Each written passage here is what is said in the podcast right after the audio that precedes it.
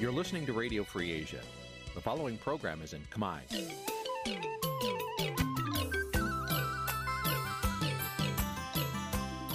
Nǐ chi càm bi tiệp xáy vệt chiu a zì sê ray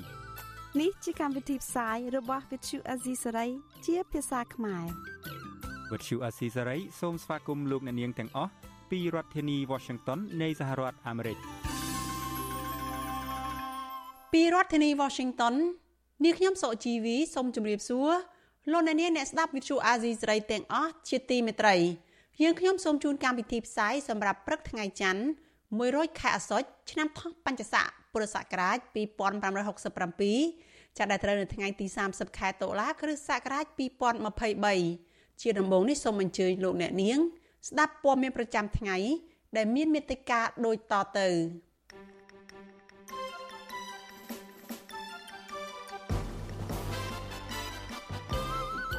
សាច់ញាតិនិងមន្ត្រីអង្គការសង្គមស៊ីវិលស្នើរដ្ឋាភិបាលបញ្ឈប់ប្រើគុកច្រវាក់បង្ខំសកម្មជនបកប្រឆាំងឲ្យចូលរួមជាមួយបកកាន់អំណាចអ្នកវិភាគបារម្ភពីឥទ្ធិពលចិនដែលកំពុងគ្របដណ្ដប់លើវិស័យយោធានៅកម្ពុជាមន្ត្រីសហជីពបារម្ភថាបញ្ហាបំណុលនឹងធ្វើឲ្យកម្មករប្រឈមនឹងវិបត្តិផ្លូវចិត្ត គ្រូបង្រៀនស្ម័គ្រចិត្តជាជនពិការបង្រៀនសិស្សជាង300នាក់នៅខេត្តតាកែវកំពុងជួបបញ្ហាជីវភាព និងខ្វះលទ្ធភាពសាងសង់សាលា រួមនឹងព័ត៌មានសំខាន់សំខាន់មួយចំនួនទៀតចាជាបន្តទៅទៀតនេះនាងខ្ញុំសុជីវីសូមជូនព័ត៌មានទាំងនេះពិស្ដាលោកអ្នកនាងជាទីមេត្រីគ្រួសារស្នើដល់រដ្ឋាភិបាលឲ្យបញ្ឈប់ការយកគុកច្រវាក់ដើម្បីដាក់សម្ពាធលើសកម្មជនបកប្រឆាំង ឲ្យបដូរជំហរទៅចុះចូលជាមួយបកកាន់អំណាចតទៅទៀតពួកគេទាមទារឲ្យផ្ដល់ភាពស្អាតស្អំនិងដោះលែងសមាជិកគ្រួសាររបស់ពួកគេឲ្យមានសេរីភាពមកវិញដោយគ្មានការគៀបសង្កត់ឬការដាក់សម្ពាធណាមួយមន្ត្រីសិទ្ធិមនុស្សជំរុញទៅរដ្ឋាភិបាលឲ្យដោះស្រាយវិវាទនយោបាយដើម្បីស្ដារប្រជាធិបតេយ្យនិងកែលម្អប្រព័ន្ធយុត្តិធម៌នៅកម្ពុជាឡើងវិញចាលោកជីវិតារាយការណ៍អំពីរឿងនេះ ប្រពន្ធនិងកូនរបស់សកម្មជនគណៈបកភ្លើងទៀនលើកឡើងថាការចាប់គ្រួសារនិងសកម្មជនផ្សេងទៀតដែលជាអ្នកនយោបាយដាក់គុកដោយអយុត្តិធម៌និងតាមអំពើចិត្តរួចហើយបង្ខំឲ្យសរសេរលិខិតសុំទោសឬបង្ខំឲ្យចុះចូលជាមួយគណៈបកកាន់អំណាចដើម្បីបាននៅក្រៅឃុំនោះ គឺជាការបង្ហាញកាន់តែច្បាស់ថាប្រព័ន្ធយុតិធធម៌នៅកម្ពុជាមិនឯករាជ្យរីឯការឃុំខ្លួនអ្នកទោសមនសិការកន្លងទៅ គឺជាការធ្វើទុកបុកម្នេញផ្នែកនយោបាយ កូនស្រីមន្ត្រីគណៈបកភ្លើងទៀនប្រចាំក្រុងប៉ោយប៉ែតលោកចៅវាសនា គឺអ្នកស្រីចៅរតនៈប្រាប់វិទ្យុអាស៊ីសេរីថាដើមហេតុដែលនាំឲ្យឪពុករបស់អ្នកស្រីជាប់ពន្ធនាគារដោយអយុត្តិធម៌មកដល់ពេលនេះដោយសារលោកមិនព្រមចុះចូលជាមួយគណៈបកកាន់អំណាចអ្នកស្រីឲ្យដឹងថាឪពុករបស់អ្នកស្រីកំពុងធ្លាក់ខ្លួនឈឺដោយគ្មានឆ្មាំពន្ធនាគារយកចិត្តទុកដាក់ផ្ដល់សេវាព្យាបាលឲ្យត្រឹមត្រូវនោះទេ ប៉ុន្តែលោកចៅវាសនានៅតែរក្សាជំហររឹងមាំក្នុងការតស៊ូរហូតដល់ជីវិតចុងក្រោយដើម្បីបុព្វហេតុជាតិនិងលទ្ធិប្រជាធិបតេយ្យអ្នកស្រីបញ្ជាក់ថាបើទោះជាអ្នកកាន់អំណាចយកប្រព័ន្ធតុលាការមកគៀបសង្កត់ឲ្យលោកចៅវាសនាបដូរជំហរនយោបាយនិងប្រើមនុស្សតាមអូសទាញឲ្យចុះចូលជាមួយបកកាន់អំណាចជាធ្នូបានរួចពីការជាប់ពន្ធនាគារយ៉ាងណាក៏ដោយចុះក៏លោកនៅតែប្រកាន់ជំហររឹងមាំដោយមិនចុះចូលនោះទេ តើប្រព័ន្ធតឡាការហ្នឹងអនុវត្តបែបម៉េចកន្លែងណាដែលបង្ហាញភាពយុត្តិធម៌សម្រាប់ពួកខ្ញុំដែលជានយោបាយតែឲ្យរាល់គណៈបកជំជាពួកខ្ញុំអ្នកឈោគណៈបកប្រឆាំងគឺបើមិនចោះចូលមិនមិនចូលរួមទេឬមិនប្រើពាក្យសុំទោសទេពួកខ្ញុំអាចដោះដូរបានសេរីភាពអញ្ចឹងមិនន័យថាប្រព័ន្ធតុលាការអត់បានបែងចែកថាគាត់ប្រព្រឹត្តអំពើនេះខុសឬត្រូវទេអញ្ចឹងនៅពេលដែលបែបឃើញរូបភាពបែបនេះគឺពលរដ្ឋជាទូទៅមើលឃើញគឺជារឿងនយោបាយសុទ្ធសាធ100% ស្រដៀងគ្នានេះដែរប្រពន្ធមន្ត្រីគណៈបកភ្លើងទៀនប្រចាំខេត្តកំពង់ចាមលោកលោកតូចថងគឺលោកស្រីសវណ្ណា បង្ហើបឲ្យដឹងថាមន្ត្រីពន្ធនាគារតែងប្រាប់ឲ្យប្តីលោកស្រីប្រកាសចុះចូលជាមួយគណៈបកប្រជាជនកម្ពុជាទើបត្រូវដោះលែងឲ្យនៅក្រៅឃុំប៉ុន្តែប្រសិនបើប្តីរបស់លោកស្រីគ្រាន់តែសរសេរលិខិតសុំទោសនោះពួកគេនឹងមិនទទួលយកទៅពិនិត្យមើលនោះឡើយទោះជាយ៉ាងណា ប្តីរបស់លោកស្រីនៅតែរក្សាជំហរមិនចុះចូល ដើម្បីទទួលបានសេរីភាពនោះឡើយព្រោះប្តីលោកស្រីបញ្ជាក់ថាការចុះញោមចំពោះអ្នករំលោភច្បាប់និងចាប់មនុស្សអត់មានកំហុសដាក់គុកតាមតែអំពើចិត្តនឹងធ្វើឲ្យសង្គមនៅតែរងគ្រោះឲ្យកាត់ចោះចូលបានគេថាឡើងគាត់តែគាត់ថាបើគាត់ថាបើគាត់ចូលមិនចាំជាប់តារងថ្ងៃហ្នឹងទេ ធ្វើដើម្បីជាតិបើគាត់ចាស់ចូលតាំងពីគាត់នៅតាមជាក្រមមករហូតគាត់តស៊ូមិនអាចចូលបានទេថ្ងៃណាត់ស្ដីមិនដឹងធ្វើបាច់គាត់អត់មានធ្វើអីកំហុសគ្រាន់តែរឿងយោបាយចាប់គាត់ទៅមនុស្សស្លូតត្រង់ខ្ញុំទូចចិត្តប្រតិកម្មរបស់គ្រួសារសកម្មជនបាក់ភ្លើងទៀនទាំងនេះធ្វើឡើងបន្ទាប់ពីមួយរយៈពេលចុងក្រោយនេះតុលាការបានដោះលែងសកម្មជនគណៈបកប្រឆាំងជាហូហែ ក្រោយពេលពួកគេសរសេរលិខិតវាយប្រហារលើថ្នាក់ដឹកនាំគណៈបកសង្គ្រោះជាតិនៅក្រៅប្រទេសជាពិសេសប្រកាសចុះចូលជាមួយគណៈបកប្រជាជនកម្ពុជា ដើម្បីជាថ្នូរទទួលបានសេរីភាពឡើងវិញក្រុមអ្នកតាមដានស្ថានភាពសង្គមនិងអ្នកនយោបាយមើលឃើញថាក្រៅពីការលួងលោមទិញទឹកចិត្តផ្ដាល់ទូនីតិមុខតំណែងឋានៈនិងបុណ្យស័ក្តិនោះ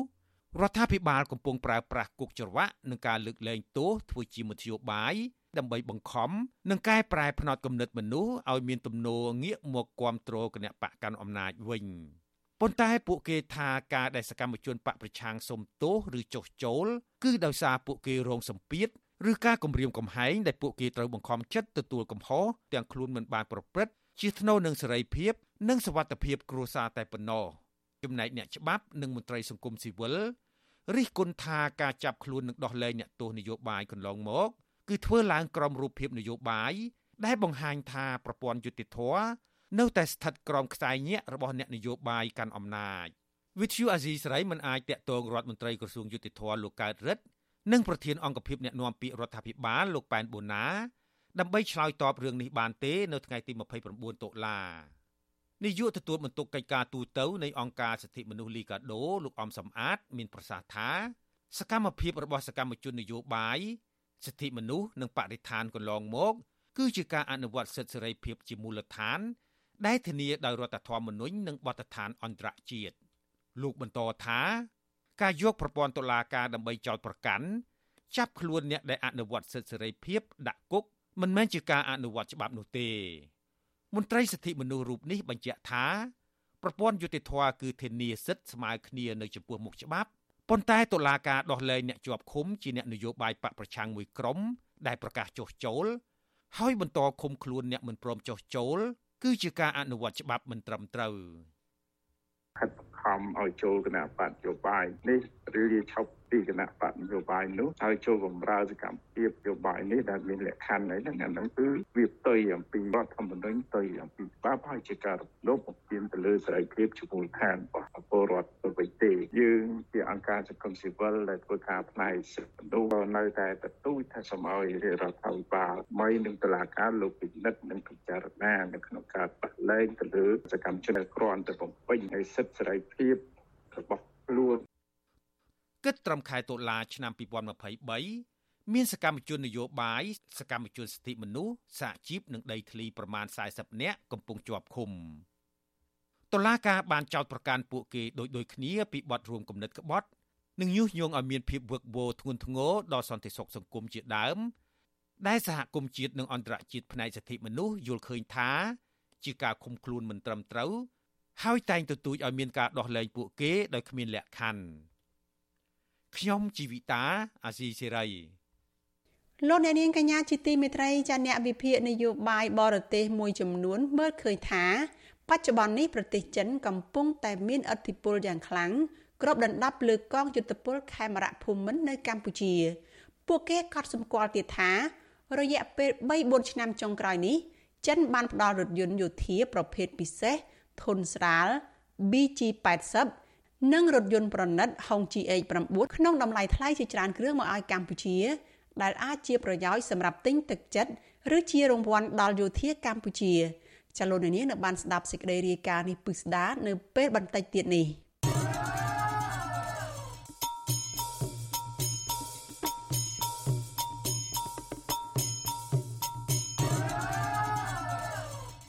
លោកនាងកញ្ញាជាទីមេត្រីចាយើងងាកទៅព័ត៌មានតកតងនឹងផ្ទៃបឹងតមោកវិញម្ដងចាពលរដ្ឋនៅតំបន់បឹងតមោកនិងសកម្មជនបរិស្ថាន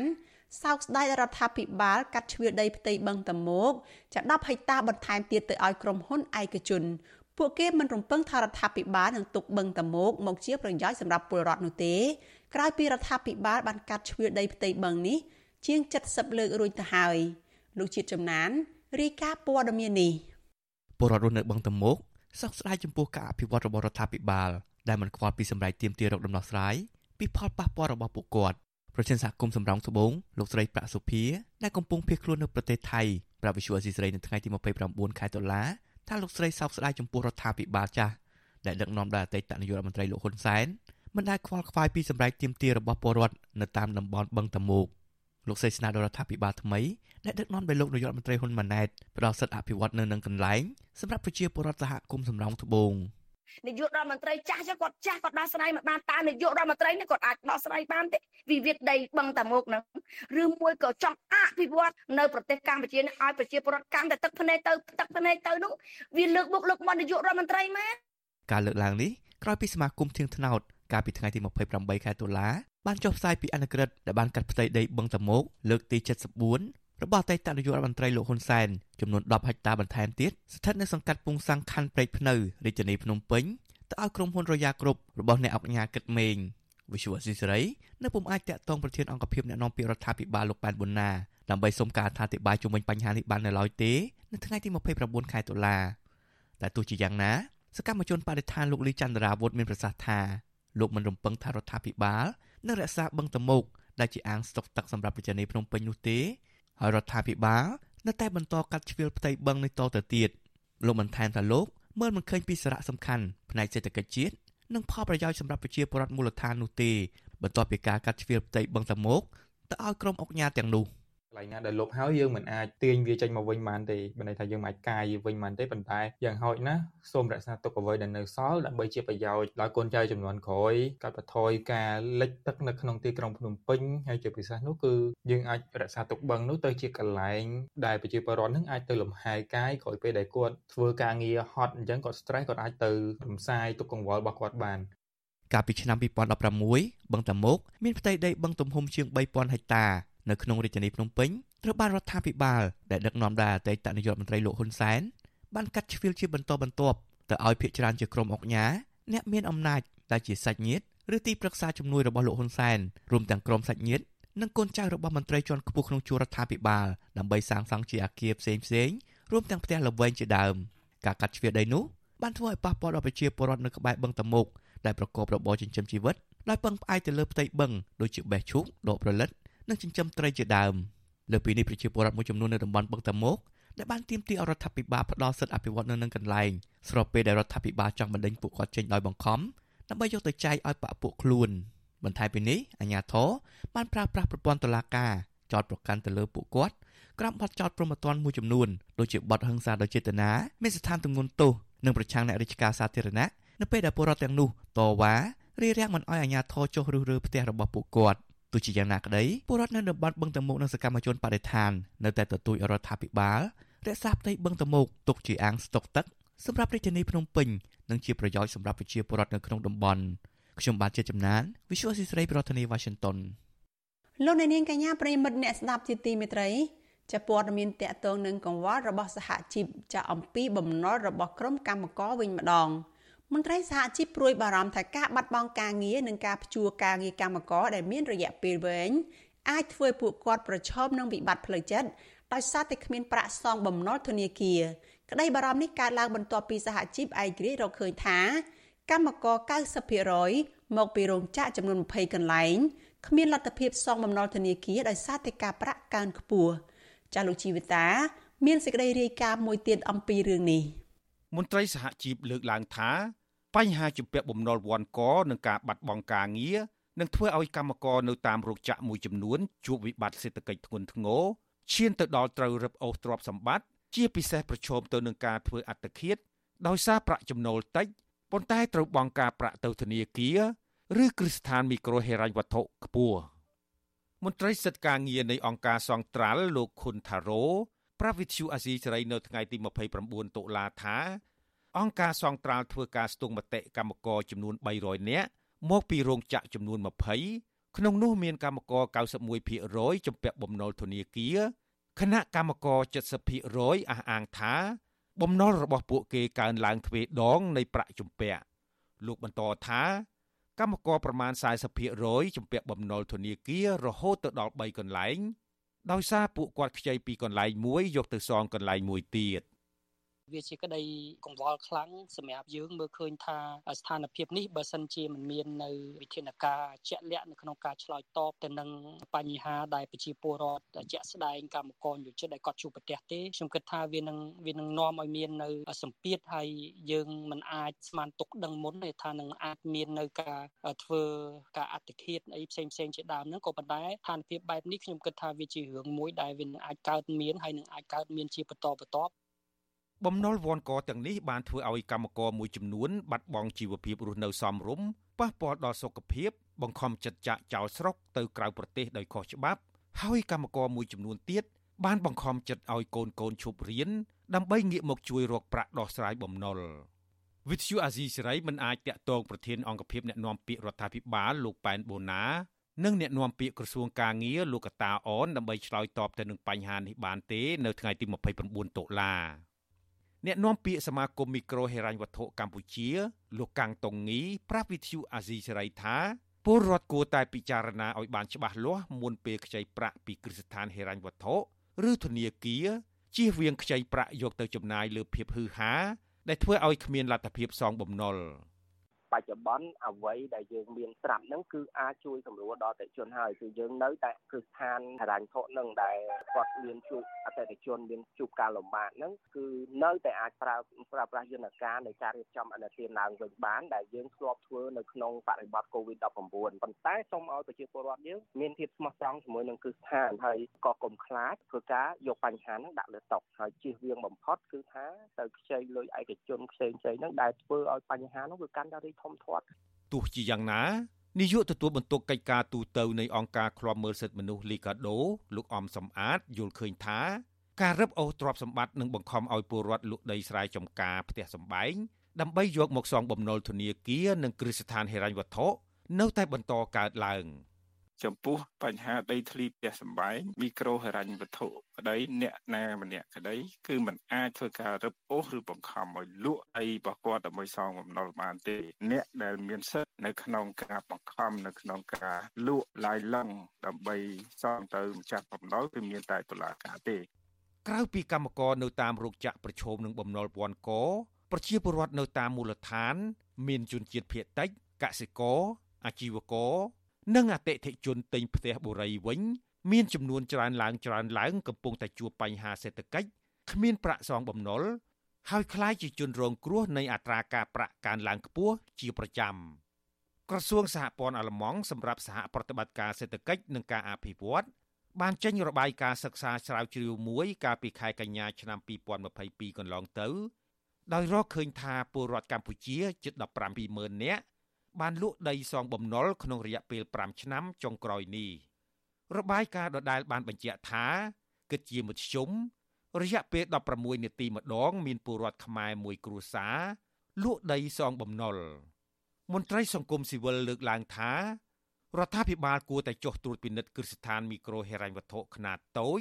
និងធនាគារកម្ចីប្រាក់មួយចំនួនដែលអនុវត្តផ្ទុយពីគោលការណ៍ច្បាប់យកមកផ្ដន់ទាទោសតាមច្បាប់ ដើម្បីជួយកាត់បន្ថយសម្ពាធរបស់ពលរដ្ឋនិងកាត់បន្ថយការធ្វើចំណាក់ស្រុកទៅរកការងារនៅក្រៅប្រទេសដោយខុសច្បាប់ខ្ញុំជីវិតាអាស៊ីសេរីលោកអ្នកនាងកញ្ញាប្រិយមិត្តជាទីមេត្រីលោកអ្នកកំពុងស្ដាប់វិទ្យុអាស៊ីសេរីចាប់ផ្សាយចេញពីរដ្ឋធានី Washington សហរដ្ឋអាមេរិកមន្ត្រីសង្គមស៊ីវិលស្នើដល់អាជ្ញាធរពាក់ព័ន្ធឲ្យត្រួតពិនិត្យនិងវាយតម្លៃ ឲ្យបានត្រឹមត្រូវមុននឹងអនុញ្ញាតឲ្យមានអាជីវកម្មរ៉ែមាសខ្នាតតូចនិងខ្នាតមធ្យមសំណើនេះធ្វើឡើងបន្ទាប់ពីមានមនុស្សម្នាក់បានស្លាប់នៅក្នុងរណ្ដៅរ៉ែមាសដោយសារតែខ្វះបច្ចេកទេសនិងឧបករណ៍គ្រប់គ្រាន់នៅក្នុងការទាញយករ៉ែចាលោកនៅវណ្ណរិនរាយការណ៍អំពីរឿងនេះកម្មករជីករ៉ែមាសម្នាក់បានស្លាប់បាត់បង់ជីវិតនៅពេលចុះទៅក្នុងរណ្ដៅដោយសារតែរណ្ដៅមានជាតិពុលដែលមានជម្រៅប្រមាណ50ម៉ែត្រករណីនេះ កើតឡើងនៅក្នុងភូមិរំដេងឃុំរំទុំ ស្រុករវៀងខេត្តព្រះវិហារកាលពីថ្ងៃទី19ខែតុលាកន្លងទៅនាយកអង្គការពន្លកខ្មែរដែលមានទីតាំងនៅក្នុងខេត្តព្រះវិហារលោកពឹកសុភ័ណ្ឌប្រាប់វិទ្យុអាស៊ីសេរីនៅថ្ងៃទី29ខែតុលាថាកម្មករជីករ៉ែមាសនៅក្នុងខេត្តព្រះវិហារភាគច្រើនជាលក្ខណៈក្រុមហ៊ុនតូចតូច និងមធ្យម ដែលកំពុងមមាញឹកនៅក្នុងការរុករករ៉ែមាសយកទៅលក់ឲ្យឈ្មួញធំធំលោកបន្ថែមថាក្រុមហ៊ុនធ្វើអាជីវកម្មទាំងនោះមិនមានលក្ខណៈស្តង់ដារត្រឹមត្រូវទៅតាមបច្ចេកទេសទាញយករ៉ែនោះទេដូច្នេះទើបបណ្ដាលឲ្យកម្មករទាំងនោះប្រឈមនឹងគ្រោះថ្នាក់កើតឡើងលោកបន្ថែមថាដើម្បីជៀសវាងកុំឲ្យមានគ្រោះថ្នាក់ដល់ជីវិតអាជ្ញាធរមូលដ្ឋានត្រូវត្រួតពិនិត្យឲ្យបានដិតដល់មុននឹងអនុញ្ញាតឲ្យធ្វើអាជីវកម្មរ៉ែ លោកបញ្ជាក់ថាប្រសិនបើមានករណីគ្រោះថ្នាក់អាជ្ញាធរត្រូវទទួលខុសត្រូវពីព្រោះអាជ្ញាធរគឺជាអ្នកអនុញ្ញាត និងទទួលបានផលប្រយោជន៍ពីអាជីវកម្មរ៉ែមាសទាំងនេះ។ អញ្ញាធមូលដ្ឋានទីក៏ត្រូវពិនិត្យមើលឲ្យបានច្បាស់លាស់ដែរកុំគិតតែរឿងស៊ីសំណោកសោកប៉ាន់ហើយមិនបានខ្វល់ពីរឿងអស់នោះគឺជារឿងគ្រោះថ្នាក់ហើយគេឈ្មោះទៅដល់អញ្ញាធមខ្លួនឯងទៅវិញទេអញ្ចឹងត្រូវមានគោលនយោបាយគោលការណ៍ឲ្យច្បាស់លាស់មែនតែនអញ្ញាធមជាអ្នកពុកអលួយជាមួយពោះឈ្មួញអញ្ចឹងអញ្ញាធមអត់អាចដោះយករួចខ្លួនបានទេធមនឹងអ្នកទទួលទោសមុនគេពេលដែលមានកម្មករគ្រោះថ្នាក់រហូតដល់ស្លាប់អីអញ្ចឹង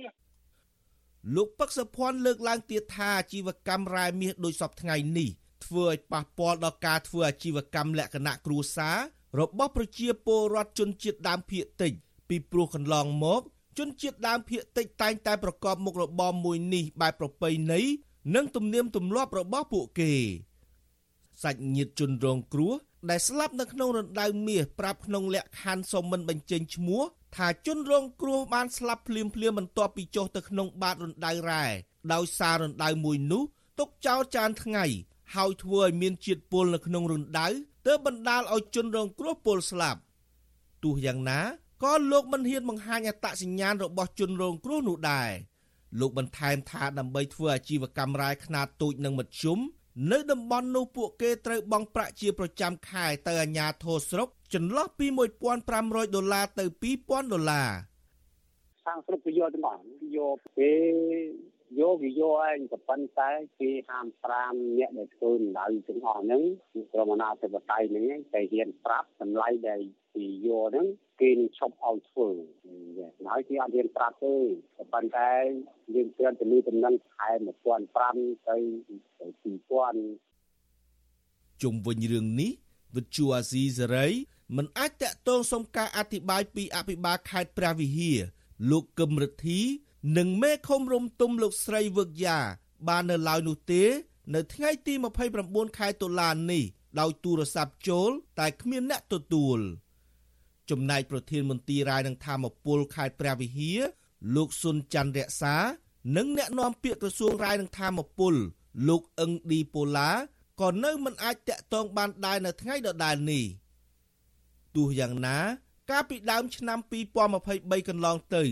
អភិបាលខេត្តព្រះវិហារលោកកឹមរិទ្ធីធ្លាប់ប្រាប់សារព័ត៌មាននៅក្នុងស្រុកថាខេត្តព្រះវិហារជាខេត្តមួយដែលសម្បូរទៅដោយធនធានរ៉ែមានរ៉ែដែករ៉ែស្ពាន់រ៉ែមាសរ៉ែប្រេងកាត និងរ៉ែលោហៈជាដើម បច្ចុប្បន្ន ខេត្តមួយនេះមានក្រុមហ៊ុនចំនួន22ក្រុមហ៊ុន កំពុងធ្វើអាជីវកម្មនិងសិក្សាស្រាវជ្រាវរករ៉ែក៏ប៉ុន្តែលោកមិនបានបង្ហាញពីអាជីវកម្មខ្នាតតូច និងមធ្យមនោះទេមន្ត្រីសង្គមស៊ីវិលស្នើឲ្យអាជ្ញាធរថ្នាក់ខេត្តបង្ហាញទិន្នន័យអាជីវកម្មរ៉ែមាសទាំងខ្នាតតូចមធ្យមនិងធំ នៅក្នុងខេត្តព្រះវិហារឲ្យបានទូលំទូលាយជាពិសេសនោះគឺការប្រមូលពន្ធចូលរដ្ឋ ដើម្បីជៀសវាងមន្ត្រីថ្នាក់ក្រោមខົບខិតគ្នាប្រព្រឹត្តអំពើពុករលួយពីវិស័យធនធានរ៉ែនិងរងការរិះគន់ពីមហាជនខ្ញុំបាទនៅវណ្ណរិន With Chu Azizi Saray ពីរដ្ឋធានី Washington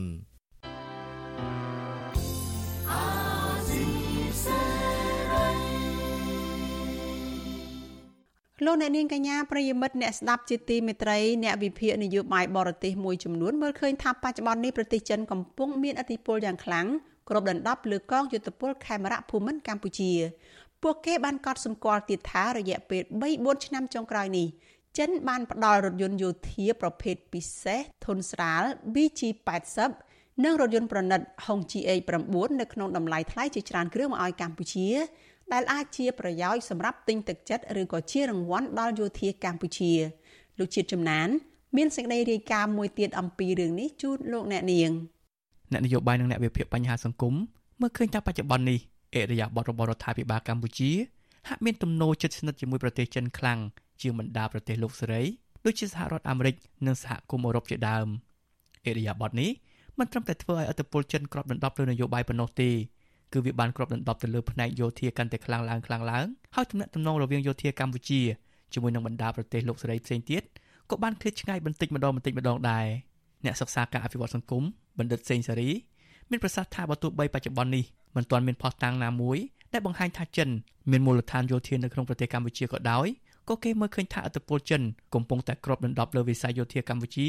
តាមរយៈគម្រោងផ្លូវមួយខ្សែក្រវ៉ាត់មួយដែលភាសាអង់គ្លេសហៅកាត់ថា BRI ក៏ប៉ុន្តែទោះបីយ៉ាងណាក៏ដោយសម្រាប់ខ្ញុំខ្ញុំសន្និដ្ឋានថាឥទ្ធិពលតបចិនហ្នឹងវាមកជាមួយនឹងកម្រង BRI ហៅ PRI ឬក៏យើងហៅជាភាសាខ្មែរថាផ្លូវមួយខ្សែក្រវ៉ាត់មួយហ្នឹងជារួមមិនមែនតែកម្ពុជាទេដែលទទួលអធិពលទាំងវិស័យយោធានយោបាយពីគម្រោង BRI នេះវាមានប្រទេសច្រើនទៀតហើយប្រទេសមួយចំនួនហ្នឹងក៏បានធ្លាក់ចូលទៅក្នុងអន្តៈបំណុលរបស់ចិនទាំងសេដ្ឋកិច្ចទាំងកងទ័ពទាំងវិស័យយោធាហ្នឹងបាទ បណ្ឌិតសេងសេរីមានប្រសាសន៍ទៀតថាបើពិនិត្យទៅលើសកម្មភាពបច្ចុប្បន្ននេះយោធាចិននិងកម្ពុជាឧស្សាហ៍ធ្វើសមយុទ្ធយោធាការផ្លាស់ប្តូរបទពិសោធន៍រវាងសិក្ខាកាមយោធាជាមួយនឹងគ្នាជាញឹកញាប់ទាំងការផ្តល់ជំនួយជាសម្ភារៈនិងរថយន្តយោធាជាដើមនោះអាចបញ្ជាក់បានថាទំនាក់ទំនងយោធានៃប្រទេសទាំងពីរកាន់តែជិតស្និទ្ធខ្លាំងគេហទំព័រជាភាសាអង់គ្លេសមួយឈ្មោះ The Time of India បានចុះផ្សាយថាប្រទេសចិនកំពុងមានឥទ្ធិពលយ៉ាងខ្លាំងទៅលើកងយោធាខេមរៈភូមិន្ទរួចស្រេចទៅហើយតាមរយៈការផ្តល់ជំនួយ និងបរិការយោធាជាបន្តបន្ទាប់ថែមទាំងផ្តល់រថយន្តធុនស្រាល BG80 រថយន្តប្រណិត Hongqi H9 និងរថយន្ត Sedan ដែលជាប្រភេទរថយន្តដែលមានតម្លៃថ្លៃដែលយោធាកម្ពុជាខ្លួនឯងមិនទាន់មានលទ្ធភាពទិញមកប្រើប្រាស់នៅឡើយនោះគេហទំព័រដដែលបន្ថែមថាអ្នកខ្លមើខ្លះបានគិតថាប្រទេសចិនដែលបានផ្ដល់រថយន្តដែលមានតម្លៃឲ្យទៅយោធាកម្ពុជានោះគឺគ្មានអ្វីក្រៅពីការទិញភក្តីភាពឬជារង្វាន់ដល់យោធាកម្ពុជានោះទេ វិសុអសីស្រីមិនអាចតកតងแนะនាំពាក្យក្រសួងការពារជាតិលោកឈុំសុជាតិដើម្បីសុំការអធិប្បាយជុំវិញរឿងនេះបាននៅឡើយទេនៅថ្ងៃទី29ខែតុលាប៉ុន្តែក្រសួងការពារជាតិកម្ពុជាធ្លាប់បានបញ្យល់ថាជំនួយសម្ភារៈនិងរថយន្តប្រណិតសម្រាប់យោធាទាំងនេះគឺសម្រាប់បន្តកិច្ចសហប្រតិបត្តិការរវាងកម្ពុជានិងចិនដែលមិនផ្លាស់ប្ដូរហើយកម្ពុជាចិននឹងបន្តកិច្ចសហប្រតិបត្តិការដែលមានស្រាប់ឲ្យកាន់តែរឹងមាំបន្ថែមទៀតទោះជាយ៉ាងណាមន្ត្រីជាន់ខ្ពស់គណៈបកភ្លឹងទៀនលោករងឈុនបានកត់សម្គាល់ឃើញថា ក្នុងរយៈពេល2ទៅ3ឆ្នាំចុងក្រោយនេះកម្ពុជាបានចូលរួមផ្នែកយោធាព្រមទាំងបានធ្វើសម្ពយុទ្ធរួមគ្នាក៏ដូចជាការផ្ដល់ឱកាសឲ្យចិនធ្វើការអភិវឌ្ឍនៅតំបន់រៀមជាដើមនោះរដ្ឋាភិបាលកម្ពុជាហាក់បង្ហាញពីភាពជិតស្និទ្ធខ្លាំងជាមួយនឹងចិនហើយឃ្លាតឆ្ងាយពីការសហការគ្នាជាមួយនឹងបណ្ដាប្រទេសលោកខាងលិចមានសហរដ្ឋអាមេរិកជាដើម យើងចង់ឃើញជំហរកម្ពុជាដើរទៅតាមក្នុងខាងសហការជាមួយចិនសហការជាមួយប្រទេសលោកអាស៊ានរីស្មើគ្នាជាវាអ្នកការស្ទៀងទៅមកខាងមកខាងវាធ្វើឲ្យកម្ពុជាមានលទ្ធភាពរងគ្រោះហើយអ្នកដែលបាត់បង់ផលប្រយោជន៍គឺប្រជាពលរដ្ឋខ្មែរអញ្ចឹងយើងចង់ឃើញដំណើរការនយោបាយការបរទេសហ្នឹងចង់ឃើញជំហរកម្ពុជា នៅថាជំហរកណ្ដាលបាទ ហើយដូចជាយើងពៀនទៅមកខាងមកខាងថាដើរជន់លើថាបានប្រវត្តិសាស្ត្រចាស់ចំណែកអ្នកវិភាគបញ្ហាសង្គមនិងនយោបាយបណ្ឌិតមាសនេះមានប្រសាសន៍ប្រហាក់ប្រហែលទៅនឹងលោករងឈុនដែរបើតាមពិនិត្យទៅលើការធ្វើសន្និយុទ្ធរួមគ្នារវាងចិននិងកម្ពុជានិងការដែលចិនបានជួយកសាងមូលដ្ឋានកងទ័ពជើងទឹករៀមព្រមទាំងការចុះហត្ថលេខារបស់ចិនដើម្បីផ្ដល់ជំនួយមកយោធាកម្ពុជាក្នុងរយៈពេល2ទៅ3ឆ្នាំចុងក្រោយនេះ ហាក់បង្ហាញឲ្យឃើញពីមិត្តភាពដ៏ស្អិតរមួតលើវិស័យយោធានិងនយោបាយ។ រឿងដែលសំខាន់នោះវាតាមពិតពិភពលោកប្រទេសណាក៏គេមានសិទ្ធិនៅក្នុងការធ្វើសមយុទ្ធយោធារួមគ្នាជាមួយនឹងប្រទេសដទៃទៀតណាក៏ប៉ុន្តែដែលវារឿងមួយនៅស្រុកយើងនៅពេលដែលយើងប្រកាសធ្វើសមយុទ្ធជាមួយនឹងចិនយើងបដិសេធនៅការធ្វើសមយុទ្ធយោធាជាមួយអាមេរិកចឹងណាអញ្ចឹងទៅវាបានន័យថាអាញអំពីការខិតជិតគ្នារវាងយោធាកម្ពុជានិងយោធាចិនបើសិនបើមានការធ្វើសមយុទ្ធដោយស្មើភាពគ្នាអាមេរិកក៏ធ្វើចិនក៏ធ្វើអានឹងទោះបីធ្វើប្រមាណក៏មិនមានការរិះគន់នៃបែបហ្នឹងដែរប៉ុន្តែដោយសារតែយើងធ្វើជាមួយនឹងភាគីម្ខាងហើយយើងបានបដិសេធនៅភាគជាមួយនឹងភាគីម្ខាងទៀតកាលពីឆ្នាំ2021ប្រទេសចិនឆ្លោះផ្ដល់កម្ចីចំនួន84លានដុល្លារដល់កម្ពុជាដើម្បីទិញសម្ភារៈនិងសម្រាប់ប្រើប្រាស់បង្កើនសមត្ថភាពយោធានៅក្នុងពេលដែលគេមើលឃើញថាឥទ្ធិពលចិនកំពុងគ្របដណ្ដប់លើផ្នែកយោធាកម្ពុជានោះមន្ត្រីយោធាខ្មែរម្នាក់បានបង្កើតចេញជាអំពើពុករលួយដោយជាការរកស៊ីជាមួយចិនយកកងកម្លាំងខ្លះឲ្យដើរតាមការពារ និងកាងក្រុមឈ្មួញចិនមួយចំនួនព្រមទាំងមានមន្ត្រីខ្លះទៀតបានយករថយន្តបំពាក់ស្លាកលេខខមទៅឲ្យជនជាតិចិនប្រើប្រាស់ជាដើមអ្នកវិភាគនៃតំបន់អាស៊ីប៉ាស៊ីហ្វិកបានមើលឃើញថាបច្ចុប្បន្ននេះអត្តពលចិនមិនមែនតែកំពុងគ្របដណ្ដប់លើវិស័យយោធាកម្ពុជាតែប៉ុណ្ណោះទេវាកំពុងតែគ្របដណ្ដប់ទៅលើផ្នែកជាច្រើនទៀតទាំងផ្នែកនយោបាយនិងសេដ្ឋកិច្ចដែរគេហទំព័ររបស់អូស្ត្រាលី ABC បានសរសេរការពីពាក់កណ្ដាលខែកញ្ញាថាប្រទេសចិនបានគ្របដណ្ដប់ដ៏ធំនៅក្នុងនយោបាយនិងសេដ្ឋកិច្ចរបស់កម្ពុជា គេបានឃើញគម្រោងហិរញ្ញប្បទាននិងមូលនិធិជាច្រើនដែលចិនផ្ដល់ឲ្យកម្ពុជាដូចជាអាកាសយានដ្ឋានផ្លូវថ្នល់និងហេដ្ឋារចនាសម្ព័ន្ធផ្សេងទៀតដែលសាងសង់ដោយសារតែកម្ចីរបស់ចិនអ្នកសិក្សាការអភិវឌ្ឍមើលឃើញថាការដែលប្រទេសកម្ពុជានិងចិនកំពុងតែរឹតចំណងនៃកិច្ចសហប្រតិបត្តិការជាច្រើនវិស័យនេះគឺវាមិនមែនជាមិត្តភាពល្អប្រសើរសម្រាប់ដៃគូស្មោះត្រង់នោះទេផ្ទុយទៅវិញវាជាការដាក់អន្ទាក់បំណុលដែលនឹងធ្វើឲ្យកម្ពុជាជំពាក់ចិនយ៉ាងច្រើនបណ្ឌិតសេងសេរីមានប្រសាសន៍ថាជាធម្មតា នៅក្នុងស្តង់ដារសេដ្ឋកិច្ចនៅពេលដែលប្រទេសនីមួយៗទទួលការវិនិយោគទុនពីប្រទេសមួយទៀតគឺមិនលើសពី50%នៃទុនវិនិយោគបរទេសសរុបនោះទេប្រសិនបើប្រទេសតែមួយមកធ្វើវិនិយោគនៅកម្ពុជាលើសពីទុន50%គឺវានឹងធ្វើឲ្យកម្ពុជាអាចឈានទៅដល់គ្រោះថ្នាក់នៃសេដ្ឋកិច្ចធ្ងន់ធ្ងរប៉ុន្តែតារាងវិនិយោគទុនបរទេសរកឃើញថាការវិនិយោគរបស់ចិននៅកម្ពុជាបច្ចុប្បន្នមានកម្រិតពី73ទៅ75%ទៅហើយបណ្ឌិតសេងសារីឲ្យដឹងទៀតថា បើពិនិត្យមើលបច្ចុប្បន្ននេះកម្ពុជាបានជំពាក់បំណុលបរទេសសរុបប្រមាណ15,000លានដុល្លារអាមេរិកហើយក្នុងនោះកម្ពុជាជំពាក់ចិនប្រមាណ40%ខ្ញុំបាទជាចំណាន Visual History ប្រធានាទី Washington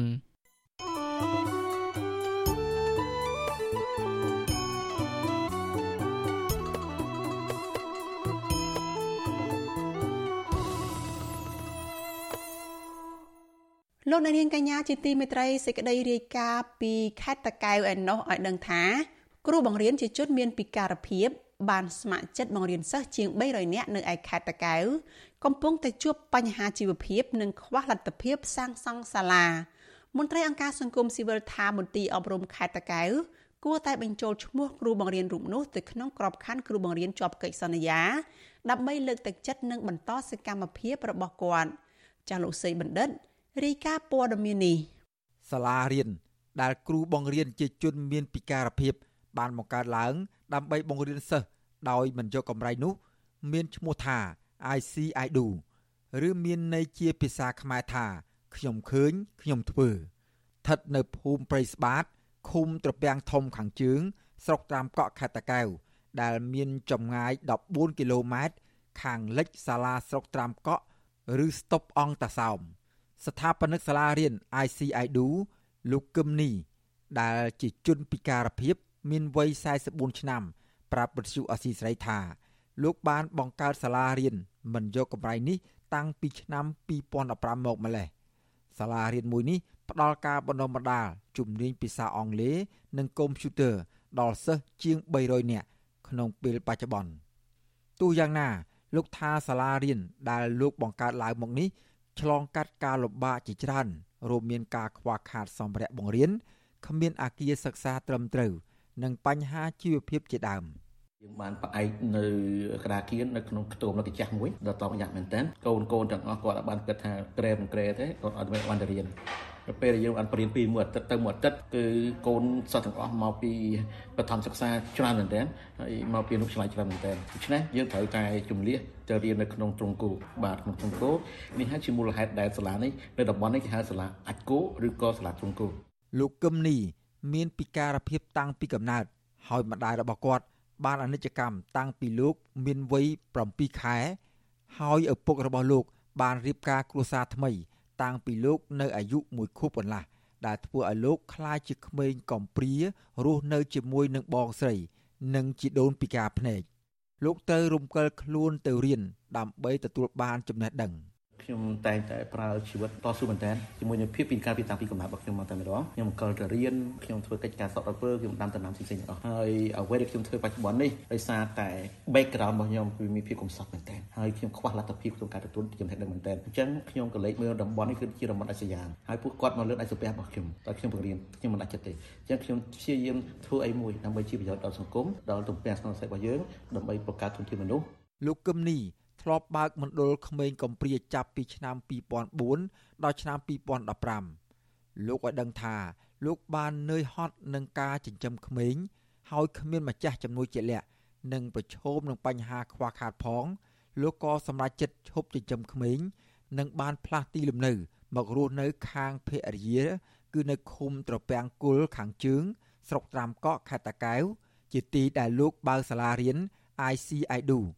ហើយសាលារៀននេះបានចុះបញ្ជីជាសាលាឯកជន នៅឆ្នាំ2021ជាមួយនឹងការិយាល័យអប់រំស្រុកត្រាំកក់លោកក៏ដឹងទៀតថាកត្តាដែលអាចទ្រទ្រង់ការបង្រៀនរបស់លោកជាច្រើនឆ្នាំមកនេះគឺអាស្រ័យលើជំនួយពីសពបរិសជន និងការលក់សត្វតាំងលម្អដូចជាសត្វព្រាបជាដើមលោកកឹមនីអង្គុយលើរទេះសម្រាប់ជនពិការ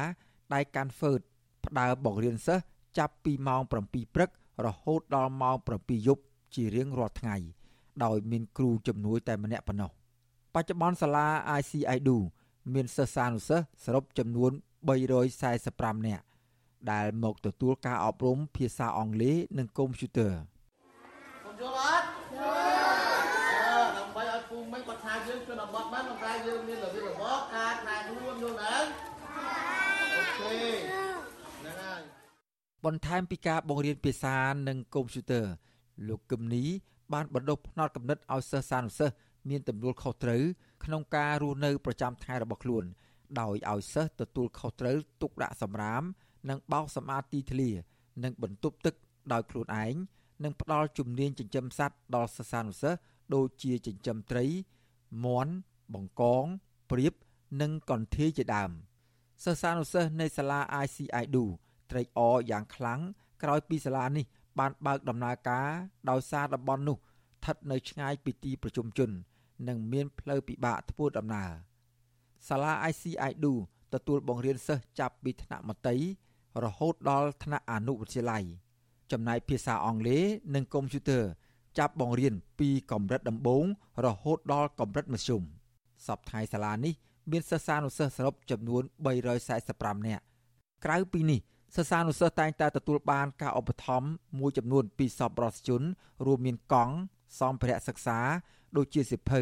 ប៊ិចនិងកាបូបស្ពាយជាដើម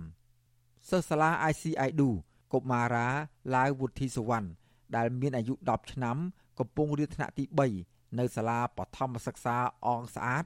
ហើយឆ្លៀតពេលទំនេរពីការសិក្សានៅសាលារដ្ឋមករៀនភាសាអង់គ្លេសនិងជំនាញកុំព្យូទ័រនៅសាលានេះស្នើដល់សប្បុរសជន ឲ្យផ្ដល់ជំនួយសម្រាប់សាងសង់សាលា និងសម្ភារៈសិក្សាដល់សិស្សានុសិស្សនៅទីនេះខ្ញុំរៀននៅនេះ3ឆ្នាំខ្ញុំចង់ឲ្យគេឧបត្ថម្ភសាលានេះឲ្យស្អាតជាងមុនទៀតទោះជាសាលា ICIDU សាងសង់ឡើងដោយមានជញ្ជាំងធ្វើអំពីថ្មក្តីក៏ប៉ុន្តែផ្នែកខាងក្នុងអគារសិក្សា មានសភាពក្តៅនិងមានសិស្សមួយចំនួន អង្គុយរៀនក្រោមកម្ដៅថ្ងៃ លោកកឹមនីស្នើដល់សពប្រសិជន និងរដ្ឋាភិបាលឲ្យផ្ដល់ជំនួយសពប្រសធរដើម្បីសាងសង់សាលានេះឲ្យបានរួចរាល់ជាពិសេសសាលា ICIDU នៅមិនទាន់មានបណ្ណាល័យនៅឡើយទេវិទ្យុអសីសេរីនៅពុំទាន់អាចតាក់ទងប្រធានការិយាល័យអប់រំយុវជន និងកីឡាស្រុកត្រាំកក់លោកឡាវវិរិទ្ធនិងប្រធានមន្ទីរអប់រំយុវជននិងកីឡាខេត្តតាកែវលោកពៅផូលី ដើម្បីឆ្លើយតបចំពោះសំណើនេះបាននៅឡើយទេនៅថ្ងៃទី28តុលាប្រធានសមាគមគ្រូបង្រៀនកម្ពុជាឯករាជ្យអ្នកស្រីអុកឆាយាវី មានប្រសាសន៍ថាមន្ទីរអប់រំខេត្តគួរតែផ្ដល់ក្របខ័ណ្ឌគ្រូបង្រៀនកិច្ចសន្យាដល់លោកគ្រូ ដែលបានបង្រៀនសិស្សដោយឥតគិតថ្លៃដើម្បីលើកទឹកចិត្តពួកគាត់អ្នកស្រីអំពីវនីវដល់សពរសជនឲ្យចូលរួមបរិច្ចាគដល់សាលា ICIDU ដើម្បីបណ្ដុះបណ្ដាលធនធានមនុស្សចំនួនក្រោយ មានតែសម្លេងប្រជាពលរដ្ឋឬក៏អ្នកដែលគ្រប់គ្រងនៅអ្វីដែលការអប់រំនឹងទេ បានយុវជនបន្តវេននឹងគាត់ទទួលបាននៃការអប់រំចា៎ទោះជាយ៉ាងណា ស្ថាបនិកសាលា ICIDU លោកកឹមនីលើកទឹកចិត្តដល់យុវជន ដែលមានកាយសម្បទាពេញបរិបូរថាឲ្យប្រើប្រាស់សក្តានុពលខ្លួនឲ្យអស់ពីលទ្ធភាពដើម្បីកសាងធនធានមនុស្សនិងសង្គមឲ្យមានការរីកចម្រើន ព្រោះមនុស្សម្នាក់ម្នាក់សុទ្ធតែមានទេពកោសល្យពីកំណើត មនុស្សទាំងអស់សុទ្ធតែមាន challenge បាទ challenge ពីពីដើមកំណើតពីកំណើតមកតាគាត់ថាពេលខ្លះយើងគ្រប់គ្នាមិនបានសិក្សាវាអស់តម្លៃបាទអញ្ចឹងកាយសម្បទាវាគ្រាន់តែជារូបភាពមួយដែលបញ្ជាក់ថាស្ថានភាពរបស់រូបមនុស្សខុសៗគ្នាទេប៉ុន្តែកម្លាំងទឹកចិត្តនិងភាពតស៊ូយើងម្នាក់ម្នាក់ត្រូវតែមានមនសិការយើងត្រូវមានឧត្តមគតិខ្លួនឯងយើងត្រូវម្នាក់ម្នាក់សិតតែយល់អំពីរឿងល្អទាំងអស់មិនមែនថាម្នាក់ដឹងល្អទេប៉ុន្តែយើងព្យាយាមបំពេញហ្នឹងហើយតែយើងគួរតែងាកមកវិញយើងគួរតែប្រើឲ្យអស់នៅសារជាតិជាមនុស្សរបស់យើងគ្រូបង្រៀនជាជនមានពិការភាពនិងមន្ត្រីអង្គការសង្គមស៊ីវិលអំពាវនាវដល់សពរដ្ឋជនផ្ដល់ជំនួយសពរដ្ឋធរដល់សាលារៀន ICIDU ដើម្បីឲ្យសិស្សានុសិស្សជាង300នាក់មានសាលារៀនត្រឹមត្រូវនិងបង្កើនធនធានមនុស្សនៅកម្ពុជា ខ្ញុំបាទសេកបណ្ឌិតវុទ្ធុអាស៊ីសេរីពីរដ្ឋធានីវ៉ាស៊ីនតោន thank you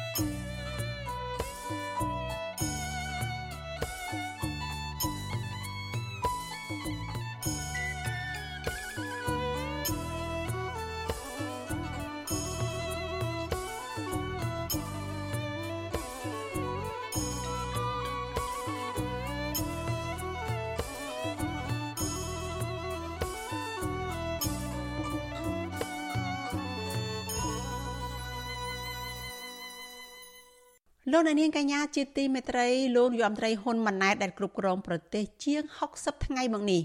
នៅមិនទាន់បានចុះហត្ថលេខា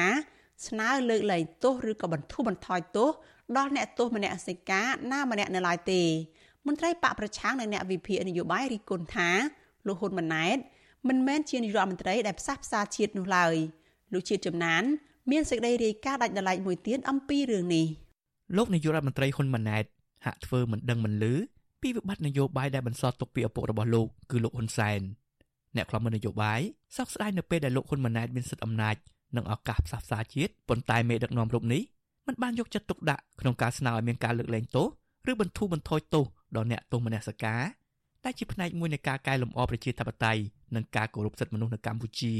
អនុប្រធានគណៈបកភ្លឹងទៀនលោករងឈុនជំរុញទៅរដ្ឋាភិបាលថ្មី គួរប្រើប្រាស់រយៈពេល100ថ្ងៃដំបូងនៃការដឹកនាំប្រទេសរបស់ខ្លួនដោះស្រាយបញ្ហាដែលនៅសេសសល់ដែលបង្កឡើងដោយរដ្ឋាភិបាលចាស់លោកថាបញ្ហាទាំងនោះរួមមានការសន្ទនារវាងគណៈបកកាន់អំណាចជាមួយនឹងគណៈបកភ្លើងទៀនដោះលែងអ្នកទោសនយោបាយនិងដោះស្រាយបញ្ហាពលរដ្ឋចម្ពាក់បំណុលធនាគារនិងសាងឡើងថ្លៃជាដើមទោះជាយ៉ាងណាលោករងឈុនសោកស្ដាយនៅពេលដែលលោកសង្កេតឃើញថារយៈពេល60ថ្ងៃនៃការកាន់អំណាចរបស់លោកហ៊ុនម៉ាណែតមិនទាន់បានដោះស្រាយបញ្ហាទាំងនោះនៅឡើយទេ ក្នុងរយៈពេលជាង2ខែនេះយើងឃើញថាហាក់បីដូចជាសមិទ្ធផល ដែលថានាយករដ្ឋមន្ត្រីឡើងមកកាន់តំណែងហ្នឹងដូចជាមិនទាន់បានឃើញបង្ហាញដែលគេថាស្នាដៃឬសមិទ្ធផល ដែលប្រជាពលរដ្ឋកំពុងត្រូវការដូចយើងមិនទាន់បានឃើញទេដូចតាក់ទងទៅនឹងបញ្ហាបំណុលធនាគារតាក់ទងទៅនឹងអ្នកដែលជាប់ពន្ធនាគារសកម្មជននយោបាយលោកហ៊ុនម៉ាណែត ចូលដឹកនាំរដ្ឋាភិបាលថ្មីកាលពីថ្ងៃទី24ខែសីហាក្រោយពីការបោះឆ្នោតកាលពីថ្ងៃទី23ខែកក្កដាដែលជាការបោះឆ្នោតដែលកោជបបានហាមឃាត់មិនឲ្យគណៈបកភ្លឹងទៀនដែលជាគណៈបកប្រឆាំងចុងក្រោយអាចចូលរួមការប្រកួតប្រជែងបានកាលពេលដែលលោកហ៊ុនម៉ាណែតអង្គុយកៅអីនាយករដ្ឋមន្ត្រីថ្ងៃដំបូងលោកបានដាក់ចេញនូវគោលនយោបាយ6ចំណុចដូចជាការពង្រីកសេវាថែទាំសុខភាពឆ្ពោះទៅរកការគ្របដណ្ដប់សុខភាពជាសកលយុវជនក្រីក្រនិងងាយរងគ្រោះនិងទទួលបានការបណ្ដុះបណ្ដាលវិជ្ជាជីវៈ អ្នកប្រកបរបរក្រៅប្រព័ន្ធនឹងទទួលបានការយកចិត្តទុកដាក់ការពារតម្លៃកសិផលរបស់កសិករឲ្យបានសមរម្យរដ្ឋាភិបាលនឹងបញ្ជូនមន្ត្រីបច្ចេកទេសកសិកម្មទៅជួយកសិករនៅគ្រប់ឃុំសង្កាត់ជាដើមចំណែកកាលពីថ្ងៃទី27ខែតុលាគណៈរដ្ឋមន្ត្រីរបស់លោកបានកែតម្រង់ប្រព័ន្ធយុតិធធដោយគណៈរដ្ឋមន្ត្រីបានអនុម័តលើសេចក្តីព្រៀងព្រះរាជក្រឹត្យស្តីពីការបង្កើតការរៀបចំនិងកិច្ចដំណើរការរបស់អាជ្ញាធរជាតិដោះស្រាយវិវាទក្រៅប្រព័ន្ធតុលាការយន្តការនេះរដ្ឋាភិបាលរំពឹងថា នឹងជួយពង្រឹងនិងលើកកម្ពស់វិស័យយុត្តិធម៌និងជួយសម្រុះសម្រួលវិវាទពលរដ្ឋដែលជាការបង្ខិតសេវាដោះស្រាយវិវាទឲ្យទៅគៀកនឹងពលរដ្ឋនៅតាមមូលដ្ឋានទោះជាយ៉ាងណាលោកហ៊ុនម៉ាណែតមិនបានបង្ហាញពីការយកចិត្តទុកដាក់ពីការបាត់បង់សេរីភាពទាំងអយុត្តិធម៌របស់មេដឹកនាំនយោបាយរួមមានប្រធានគណៈបកសង្គ្រោះជាតិលោកកឹមសុខាអនុប្រធានគណៈបកភ្លឹងទៀនលោកថាច់សេថាសកម្មជនតស៊ូមតិកញ្ញាសេងធីរីប្រធានសហជីពនៅក្រុមហ៊ុន Nagawal កញ្ញាឈឹមស៊ីធ និងអ្នកទោសមនសិការជាង30នាក់ទៀតដែលកំពុងជាប់ឃុំនៅក្នុងពន្ធនាគារទាំងអយុត្តិធម៌ដែលពួកគាត់រងការចាប់ខ្លួននិងចោទប្រកាន់ព្រោះវិបត្តិនយោបាយក្នុងរដ្ឋាភិបាលលោកហ៊ុនសែនដឹកនាំប្រទេសទាក់ទងនឹងរឿងនេះដែរអ្នកសម្របសម្រួលគម្រោងធុរកិច្ចនិងសិទ្ធិមនុស្សរបស់មជ្ឈមណ្ឌលសិទ្ធិមនុស្សកម្ពុជាលោកវ៉ាន់សុផាសង្កេតឃើញថាចាប់តាំងពីលោកហ៊ុនម៉ាណែតបានដឹកនាំប្រទេសមកលោកទៅតែឃើញសមត្ថកិច្ចបញ្ជូនកញ្ញាសេងធីរីពីពន្ធនាគារខេត្តព្រះវិហារមកពន្ធនាគាររាជធានីភ្នំពេញវិញតែប៉ុណ្ណោះ លោកបន្តទៀតថានឹងមានរឿងរ៉ាវជាច្រើនទៀតដែលរដ្ឋាភិបាលលោកហ៊ុនម៉ាណែតគួរបន្តដោះស្រាយជាងនេះទៅទៀតមន្ត្រីសិទ្ធិមនុស្សរូបនេះយល់ឃើញថាស្ថាប័នតុលាការនិងស្ថាប័នពាក់ព័ន្ធផ្សេងទៀតគួរតែដោះស្រាយការងារប្រកបដោយស្មារតីម្ចាស់ការកុំចាំតែលោកនាយករដ្ឋមន្ត្រីស្រែកឬបញ្ជាទើបនាំគ្នាធ្វើការលោកវ៉ាន់សុផាតបន្តថាលោកហ៊ុនម៉ាណែតគួរបង្ហាញគំនិតថ្មីនៃរបៀបធ្វើការថ្មីគិតគូរពីការផ្ដល់សេរីភាពដល់អ្នកទស្សនយោបាយដែលកំពុងជាប់ឃុំខ្ញុំយល់ថានៃអឺมันគួរធ្វើទុក បុកម្នេញដល់សកម្មជនបរិស្ថានដីធ្លីទុនធានធម្មជាតិឬមួយក៏អ្នកនយោបាយទាំងអស់នឹងទេពីព្រោះថាគាត់ខំប្រឹងប្រែងមកក៏ដើម្បីតែប្រយោជន៍ប្រទេសជាតិនិងប្រយោជន៍ដល់សង្គមដែរអញ្ចឹងណាបាទអញ្ចឹងគួរតែធ្វើម៉េចរដ្ឋាភិបាលហ្នឹងគឺថាបង្រួបបង្រួមធ្វើម៉េចមានការចរចានយោបាយនិងបង្រួបបង្រួមជំវិញការលើកឡើងនេះវិសុអសីសេរីមិនអាចសុំការបកស្រាយពីប្រធានអង្គភិបអ្នកនាំពាក្យរដ្ឋាភិបាលលោកប៉ែនប៊ុនណា និងអ្នកនាំពាក្យនាយករដ្ឋមន្ត្រីលោកមាសសុភ័ណ្ឌបានទេនៅថ្ងៃទី28ខែតុលារីឯអ្នកនាំពាក្យគណៈបកប្រជាជនកម្ពុជាលោកឈឹមផលវិរុនលើកឡើងថាក្នុងនាមជាគណៈបកដែលគ្រប់គ្រងរដ្ឋាភិបាលគឺរដ្ឋាភិបាលបំពេញភារកិច្ចទៅតាមគោលនយោបាយរបស់គណៈបកដែលពលរដ្ឋបានស្នើនឹងបោះឆ្នោតគ្រប់គ្រងលោកបន្តទៀតថាចំពោះការទៀមទាបែបណារបស់គណៈបកប្រឆាំងគឺជាសិទ្ធិសេរីភាពរបស់ពួកគេ រដ្ឋាភិបាលមិនធ្វើអ្វីក្រៅអំពីកម្មវិធីនយោបាយតែប្រជាពលរដ្ឋខ្មែរម្ចាស់ឆ្នោតគ្រប់គ្រងនោះទេហើយរឿងគណៈបកប្រឆាំងទស្សនៈរបស់គាត់គឺជាមតិរបស់គាត់ជាការចង់បានរបស់គាត់តែតែវាមានការចង់បាននិងការទទួលត្រូវខុសៗគ្នាអ្នកវិភាគនយោបាយលោកកឹមសុខរិះគន់ថារយៈពេល2ខែមកនេះគឺលោកហ៊ុនម៉ាណែតមិនបានដោះស្រាយបញ្ហាជាតិឲ្យបានលេចធ្លោទៅលើចំណុចណាមួយនៅឡើយទេអ្នកខ្លាំមើលនយោបាយរូបនេះ បន្តទៀតថាការដឹកនាំប្រទេសរបស់លោកហ៊ុនម៉ាណែតក៏មិនខុសពីការដឹកនាំរបស់ឪពុករបស់លោកគឺលោកហ៊ុនសែនដែរតែលោកហ៊ុនម៉ាណែតនៅតែបន្តដឹកនាំប្រទេសបែបអក្រិតកម្មនយោបាយលោកកឹមសុខក៏សម្គាល់ទៀតថាត្បិតលោកហ៊ុនម៉ាណែតមិនបានបង្ហាញស្នាដៃនៃការដឹកនាំប្រទេសនៅឡើយ ប៉ុន្តែលោកហ៊ុនម៉ាណែតពូកែអួតលើសពីឪពុករបស់លោកទៅទៀតអ្វីដែលប្រសើរជាងឪពុករបស់គាត់គឺគាត់ចេះអួតជាងឪពុករបស់គាត់តាមមើលដោយសារតែគាត់រៀនបានខ្ពស់ជាងគាត់ដឹងពាក្យអួតច្រើនជាងក៏យកពាក្យទាំងអស់នោះមកអួតបានលឺល្អ ជាងឪពុករបស់គាត់ក៏ប៉ុន្តែបើប្រៀបធៀបលទ្ធផលជាក់ស្ដែងកាលណាអួតកាន់តែខ្លាំងលទ្ធផលកាន់តែអន់អានឹងកាន់តែធ្លាក់ចូលទៅក្នុងអន្តៈនៃវិនិច្ឆ័យអំណាចផ្ទាល់ខ្លួនដោយខ្លួនឯងណាអង្គការការពារសិទ្ធិមនុស្សលីកាដូឲ្យដឹងថាគិតត្រឹមថ្ងៃទី28ខែតុលាមានអ្នកទោសមនសិការចំនួន40នាក់កំពុងជាប់ឃុំអ្នកទោសទាំងនោះ រួមមានអ្នកទោសនយោបាយចំនួន28នាក់ប្រធានសហជីពម្នាក់និងសកម្មជនដីធ្លីចំនួន11នាក់អង្គការលីកាដូក៏សម្គាល់ថាអ្នកទោសមនសិការទាំងនោះបានជាប់ឃុំដោយសារតែសកម្មភាពបែបសន្តិវិធីផ្នែកនយោបាយបរិស្ថាន សង្គមដីធ្លីឬការងាររបស់ពួកគេដែលត្រូវបានអាជ្ញាធរឃុំខ្លួនដោយអយុត្តិធម៌អង្គការលីកាដូនិងអង្គការសង្គមស៊ីវិលផ្សេងទៀតក៏បានស្នើឲ្យមានការដោះលែងមនុស្សទាំងនោះឲ្យមានសេរីភាពឡើងវិញឲ្យបានឆាប់និងដោយឥតលក្ខខណ្ឌអ្នកខ្លាំមើលរំលឹកទៅរដ្ឋាភិបាលលោកហ៊ុនម៉ាណែតថា ប្រសិនបើរដ្ឋាភិបាលមានឆន្ទៈដោះលែងអ្នកទោសនយោបាយព្រមទាំងស្ដារសិទ្ធិមនុស្សនិងប្រជាធិបតេយ្យឡើងវិញនោះរដ្ឋាភិបាលនឹងទទួលបានផលចំណេញពីការកែលម្អទាំងនេះដែលធ្វើឲ្យកម្ពុជាទទួលបានការអនុគ្រោះពន្ធ EBA ពេញលេញពីសហភាពអឺរ៉ុបនិងប្រព័ន្ធអនុគ្រោះពន្ធ GSP ពីសហរដ្ឋអាមេរិកឡើងវិញផងដែរខ្ញុំបាទជាចំណាន Visual Society ប្រធានាទី Washington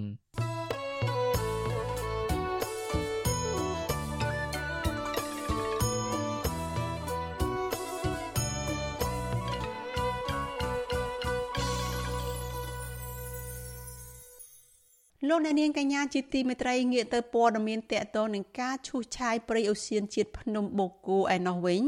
ចាក្រុមហ៊ុនរបស់អង្គញាសុកគង់បន្តឈូសឆាយព្រៃនៅក្នុងតំបន់អូសៀនជាតិព្រះមនីវងបូកូឲ្យកាន់តែរៀលធំឡើងនៅរយៈពេល3ឆ្នាំកន្លងទៅនេះក្រោមទម្រង់អភិវឌ្ឍហើយបានធ្វើឲ្យមរតកធម្មជាតិដ៏មានតម្លៃជាប្រវត្តិសាស្ត្រคล้ายជាវាលល្វឹងល្វើយជាច្រើនពាន់ហិកតាយ៉ាងឆាប់រហ័សក្រុមយុវជនសង្កេតឃើញថា ក្រោយមានសកម្មភាពឈូសឆាយព្រៃតំបន់អូសៀនជាតិនោះពុំសូវមានភ្ញៀវទេសចរទៅទស្សនាកំសាន្តទៀតនោះទេចាលោកសេកបណ្ឌិត មានសេចក្តីរាយការណ៍មួយទៀតអំពីរឿងនេះក្រមយុវជននិងមន្ត្រីសង្គមស៊ីវិលព្រួយបារម្ភពីអនាគតអូសៀនជាតិព្រះមនីវងភ្នំបូកូបន្តទទួលរងការឈូសឆាយព្រៃឲ្យคล้ายជាវាលកាន់តែរីកធំឡើងពួកគាត់ចាត់ទុកការឈូសឆាយព្រៃដ៏ធំសម្បើមនេះ ថាមានលក្ខណៈបំផ្លិចបំផ្លាញទំហំព្រៃឈើចម្រុកសត្វព្រៃធំធេងហាក់មិនស៊ីសង្វាក់គ្នានឹងរូបភាពអភិវឌ្ឍដែលផ្ដល់ផលចម្រើនដល់សង្គមជាតិនោះឡើយក្រមយុវជនមេដាធម្មជាតិកាលពីថ្ងៃទី8តុលា បានធ្វើដំណើរទៅដល់ទីតាំងអភិវឌ្ឍក្នុងតំបន់នោះប្រទះឃើញសំណង់អាគារជាច្រើនគ្មានមនុស្សរស់នៅ ទំនេរចោលហើយដីព្រៃដែលទើបឈូសឆាយដាច់ជាកង់កង់ ជាច្រើនពាន់ហិកតាក៏ពុំឃើញអភិវឌ្ឍជាដុំកំភួនអ្វីនៅឡើយទេរីឯគ្រឿងចាក់ជាច្រើនគ្រឿងបែជាមមាញឹកសម្រុកចូលឈូសឆាយព្រៃពង្រីកផ្ទៃដីបន្ថែមទៀតកាន់តែវាលធំឡើងធំឡើង ដោយពុំឃើញមានការកំណត់ព្រំប្រទល់ដែនអភិរក្សនៅឡើយទេសមាជិកយុវជនចលនាមេដាធម្មជាតិលោកលីច័ន្ទដារាវុធប្រាប់បទសុអសីសេរី នៅថ្ងៃទី27តុលាថា ការឈូសឆាយព្រៃដ៏ធំសម្បើមនេះបំរើផលប្រយោជន៍ឯកជនបកពួកអ្នកមានអំណាចច្រើនជាងផលប្រយោជន៍ជាតិនិងប្រជាពលរដ្ឋលោកថាដីព្រៃដែលក្រុមហ៊ុនឈូឆាយរួចរាល់ដើម្បីយកដីលក់ធ្វើអាជីវកម្មដែលជាចំនួនរកស៊ីរបស់ក្រុមអង្គការនិងបុគ្គលមានលុយមានអំណាច ហើយដើម្បីដោះស្រាយបញ្ហាទាំងអស់ហ្នឹងវាត្រូវតែចាប់ផ្ដើមពីរដ្ឋាភិបាលខ្លួនឯងចាត់ទុកថារឿងនេះគឺជាបញ្ហាដែលខ្លួនត្រូវដោះស្រាយហើយកាត់បន្ថយអំពើពុករលួយឲ្យដល់កម្រិតទាបបំផុតមួយហើយបើកចំហឲ្យមានការចូលរួមពីគ្រប់ភាគីពាក់ព័ន្ធការពិវត្តយើងនៅតែព័ទ្ធជុំវិញតែដោយអំពើពុករលួយខ្ញុំយល់ថាទុនធានធម្មជាតិប្រទេសកម្ពុជានឹងសល់គង់តែនឹងរលាយទេព្រោះថាអ្នកដែលមានកាតព្វកិច្ចក្នុងការការពារនឹងក៏ជាអ្នកបំផ្លាញដូច ក្រមយុវជនចលនាមេដាធម្មជាតិបានថតរូបភាព និងវីដេអូលើអាកាសដោយប្រើឧបករណ៍ដ្រូនបង្ហាញភស្តុតាងជាក់ស្ដែង ពីសកម្មភាពឈូសឆាយព្រៃឈើជាច្រើនពាន់ហិកតាស្ថិតនៅក្នុងតំបន់ឧស្សាហជាតិព្រះមនីវងភ្នំបូកូដែលបង្កឡើងដោយក្រុមហ៊ុនរបស់អង្គការសុកគង់ពួកគេមើលឃើញថាគម្រោងអភិវឌ្ឍនេះខ្វះការចូលរួមពីប្រជាពលរដ្ឋអង្គការសង្គមស៊ីវិលនិងខ្វះតម្លាភាព ហើយរបាយការណ៍វិតម្លៃផលប៉ះពាល់បរិស្ថានត្រូវគេរក្សាទុកជាការសម្ងាត់លោកលីច័ន្ទដារាវុធសង្ស័យថាអំពើពុករលួយ គឺជាមូលហេតុចម្បងចាក់ស្រេះជ្រៅដល់ប្រព័ន្ធដឹកនាំរបស់រដ្ឋាភិបាលដែលជាបបហេតុធ្វើឲ្យបាត់បង់ធនធានធម្មជាតិដែលជាគេដំណើររបស់ដូនតាចំនួនមុន លោកថាទីតាំងប្រវត្តិសាស្ត្រនេះមិនគួរជាកម្មវត្ថុអភិវឌ្ឍបំផ្លាញព្រៃឈើដែលពលរដ្ឋក្រីក្រ មិនទទួលបានផលប្រយោជន៍នោះឡើយដោយសារតែអំពើពុករលួយនេះដែរវាធ្វើយើងបាត់បង់ទុនធានធម្មជាតិច្រើនបាត់បង់ចំនួនភ្ញៀវទេសចរច្រើនសារការវិនិយោគមិនគិតគូរទៅដល់បរិស្ថានទៅកម្ពុជាទេពលរដ្ឋរស់នៅរាជធានីភ្នំពេញដែលតែងតែទៅកំសាន្តនៅភ្នំបូកូលោកម៉ៅឆេនបានប្រទះឃើញគ្រឿងចាក់ជាច្រើនគ្រឿងបន្តឈូសឆាយព្រៃជាច្រើនតំបន់លើខ្នងភ្នំបូកូជាច្រើនខែមកហើយដោយពុំឃើញមានបង្គោលព្រំដីកំណត់ដែនអភិរក្សនៅឡើយទេ លោកស្នើសុំឲ្យរដ្ឋាភិបាលផ្អាកការឈូសឆាយព្រៃនៅតំបន់នោះរាប់ពាន់រាប់ម៉ឺនហិកតាហ្នឹងគឺចេះតែឈូសឆាយរហូតទៅគឺយើងយើងទៅដល់អាវាលស្រែ500ហ្នឹងក៏នៅតែឈូសឆាយបន្តរហូតរាប់ពាន់ហិកតាទៅទៅទៅមុខទៀតអញ្ចឹងមិនដឹងថាតើមកទួលភ្នំទាំងអស់នៅបរិវេណហ្នឹងអាចឈូសឆាយទាំងអស់ឬមួយក៏យ៉ាងម៉េចនោះទេព្រោះអត់មានការដែនកំណត់អីបកគោលណាឲ្យឃើញច្បាស់ទេខ្ញុំមើលឃើញតែបាទវិទ្យុអាស៊ីសេរីនៅពុំទាន់អាចតាក់ទងសុំការបកស្រាយរឿងនេះពីប្រធានអង្គភិបអ្នកណែនាំពីរដ្ឋាភិបាលលោកប៉ែនបូណា និងរដ្ឋមន្ត្រីក្រសួងបរិស្ថានលោកអៀងសផល្លែតបាននៅឡើយទេ នៅថ្ងៃទី27តុលាដោយទូរស័ព្ទហៅចូលតែគ្មានអ្នកទទួលចំណែកអភិបាលខេត្តកំពតលោកម៉ៅធនិន បានផ្ដាច់ទូរស័ព្ទនៅពេលដែលវិទ្យុអស៊ីសេរីសួរអំពីបញ្ហានេះកន្លងទៅក្រសួងបរិស្ថានអះអាងថាមន្ត្រីជំនាញបានកំណត់តំបន់ស្នូលតំបន់អភិរក្សតំបន់អភិវឌ្ឍជេរភាព និងតំបន់សហគមន៍ក្នុងអូសៀនជាតិនេះ ហើយបញ្ជូនមន្ត្រីឧស្សាហរៈ40នាក់ការពារដែនអភិរក្សនេះជាច្រើនតំបន់សំខាន់សំខាន់កាលពីចុងខែមិថុនាឆ្នាំ2019អតីតនាយករដ្ឋមន្ត្រីលោកហ៊ុនសែន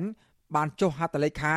ដាក់ឲ្យប្រើប្រាស់ប្លង់គោលនៃគម្រោងអភិវឌ្ឍក្រុងបូកូដោយបានកាត់ជ្រឿដីពីតំបន់ឧស្សាហជាតិភ្នំបូកូទំហំដីជិត20000ហិកតាគ្រប់គ្រងដោយក្រុមហ៊ុនសុខាអូតែលរបស់លោកអង្ញាសុគង្គ វិទ្យុអសីសេរីក៏នៅមិនទាន់អាចតាក់ទងសុំការបំភ្លឺអំពីបញ្ហានេះពីអុកញ៉ាសុគង្គបាននៅឡើយទេ នៅថ្ងៃទី27ដុល្លារជុំវិញរឿងនេះអ្នកសម្របសម្រួលគម្រោងធុរកិច្ចនិងសិទ្ធិមនុស្សនៃមជ្ឈមណ្ឌលសិទ្ធិមនុស្សកម្ពុជា លោកវ៉ាន់សុផាត ស្នើសុំឲ្យរដ្ឋាភិបាលថ្មី ធ្វើកំណែតម្រង់ទប់ស្កាត់ការបំផ្លាញធនធានធម្មជាតិដែលជាដើមចមបង្កើតឲ្យមានការរំលោភសិទ្ធិមនុស្សនិងកើនឡើងនៃការបំរែបំរួលអាកាសធាតុ នីតិរដ្ឋដែលមិនរឹងមាំហើយនឹងប្រព័ន្ធក្នុងការអនុវត្តច្បាប់បពពួកនិយមរួមទាំងអីអ្វីដែលជាបញ្ហាមិនប្រក្រតីជាច្រើនហ្នឹងគឺថាធ្វើឲ្យសិទ្ធិសេរីភាពរបស់ប្រជាពលរដ្ឋហ្នឹងមិនត្រូវបានអនុញ្ញាតឲ្យចូលរួមទៅតាមច្បាប់ស្អីហ្នឹងទេហើយជាឱកាសមួយដែលផ្ដល់ឲ្យដៃទៅខាងក្រុមហ៊ុនហ្នឹងធ្វើអីសាច់ទៅចិត្តរំលោភឬមួយក៏បំផ្លិចបំផ្លាញធនធានធម្មជាតិដើម្បីតែផលប្រយោជន៍ផ្ទាល់ខ្លួនតែប៉ុណ្ណឹងបាទមកទល់ពេលនេះសកម្មភាពឈូសឆាយព្រៃដ៏ធំល្វឹងល្វើយ និងដុតកំទេចគំនរឈើធំធំឲ្យคล้ายជាវិលការប្រើរំសេវបំផ្ទុះថ្មភ្នំឈូសឆាយផ្លូវខ្វាត់ខ្វែងដើម្បីសាងសង់រីសតអាគារកន្លែងកំសាន្តរបស់អ្នកមានទ្រព្យសុខស្ដំនិងសង់ផ្ទះថ្មលក់នៅតែបន្តយ៉ាងសស័កសស្រាំក៏ប៉ុន្តែពុំសូវមានមនុស្សទៅរស់នៅទីនោះទេរីឯភ្ញៀវទេសចរក៏ពុំសូវឃើញទៅទស្សនានៅតំបន់នោះច្រើនដូចមុនដែរ ឧស្សាហជាតិព្រះមុនីវង្សភ្នំបូកូបានចុះបញ្ជីជាតំបន់អភិរក្សដោយព្រះរាជក្រឹត្យព្រះបាទសម្ដេចព្រះនរោត្តមសីហនុកាលពីឆ្នាំ1993មានផ្ទៃដីទំហំជាង150,000ហិកតាស្ថិតនៅក្នុងភូមិសាស្ត្រក្រុងបូកូខេត្តកំពតជាប់នឹងខេត្តប្រសេនុ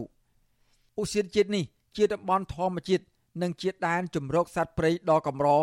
រួមមានដំរីព្រៃទូចខ្ទីង និងសត្វបក្សីជាច្រើនប្រភេទកំពុងប្រឈមនឹងការបាត់បង់ទីជម្រកខ្ញុំបាទសេកបណ្ឌិតវុទ្ធុអសីសេរីពីរដ្ឋធានីវ៉ាស៊ីនតោន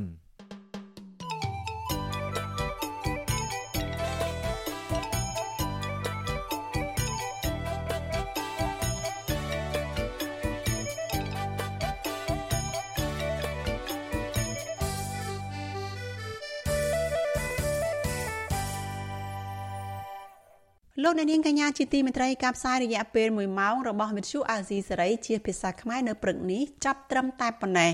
នាងខ្ញុំសុជីវីព្រមទាំងក្រុមការងារទាំងអស់នៃវិទ្យុអាស៊ីសេរី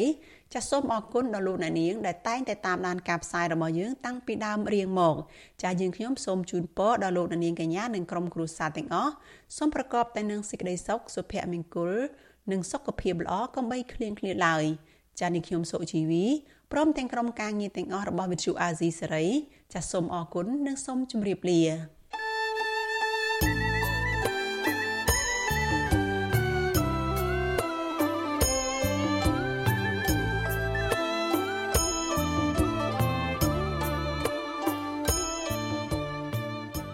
វិទ្យុអេស៊ីសេរីផ្សាយតាមរលក ធារកាសខ្លីតាមកម្រិត និងកម្ពស់ដូចតទៅនេះ ពេលព្រឹក ចាប់ពីម៉ោង5កន្លះដល់ម៉ោង6កន្លះតាមរយៈប៉ុស SW 93.90 MHz ស្មើនឹងកម្ពស់ 32m និងប៉ុស SW 11.85 MHz ស្មើនឹងកម្ពស់ 25m ពេលយប់ចាប់ពីម៉ោង7កន្លះដល់ម៉ោង8កន្លះតាមរយៈប៉ុស SW 93.30 MHz ស្មើនឹងកម្ពស់ 32m ប៉ុស SW 11.88 MHz ស្មើនឹងកម្ពស់ 25m និងប៉ុស SW 15.15 MHz ស្មើនឹងកម្ពស់ 20m លោកអ្នកនាងក៏អាចស្ដាប់និងទស្សនាការផ្សាយផ្ទាល់នៅលើគេហទំព័រ Visual Asia សេរីតាមរយៈអាសយដ្ឋាន rfa.org/ ខ្មែរ ក្រៅពីនេះលោកអ្នកនាងក៏អាចអាននិងទស្សនាព័ត៌មានវិទ្យុអាស៊ីសេរីលើទូរស័ព្ទដៃរបស់លោកអ្នកនាងផ្ទាល់សូមអញ្ជើញលោកអ្នកនាងដំឡើងកម្មវិធីវិទ្យុអាស៊ីសេរីនៅលើទូរស័ព្ទដៃរបស់លោកអ្នកនាងឬស្វែងរកវិទ្យុអាស៊ីសេរីនៅលើ YouTube ឬ Facebook ដោយស្វែងរកពាក្យថាវិទ្យុអាស៊ីសេរីឬ RFA ខ្មែរសូមលោកអ្នកនាងចុច like Follow និងចុច Subscribe ដើម្បីទទួលបានព័ត៌មានថ្មីៗតាមហេតុការណ៍និងទស្សនាវីដេអូផ្សេងៗទៀតបានគ្រប់ពេលវេលាយើងខ្ញុំសូមជូនពរដល់លោកអ្នកនាងព្រមទាំងក្រុមគ្រួសារទាំងអស់ឲ្យជួបប្រកបតែនឹងសេចក្តីសុខសេចក្តីចម្រើនរុងរឿងកុំបីឃ្លៀងឃ្លាតឡើយ។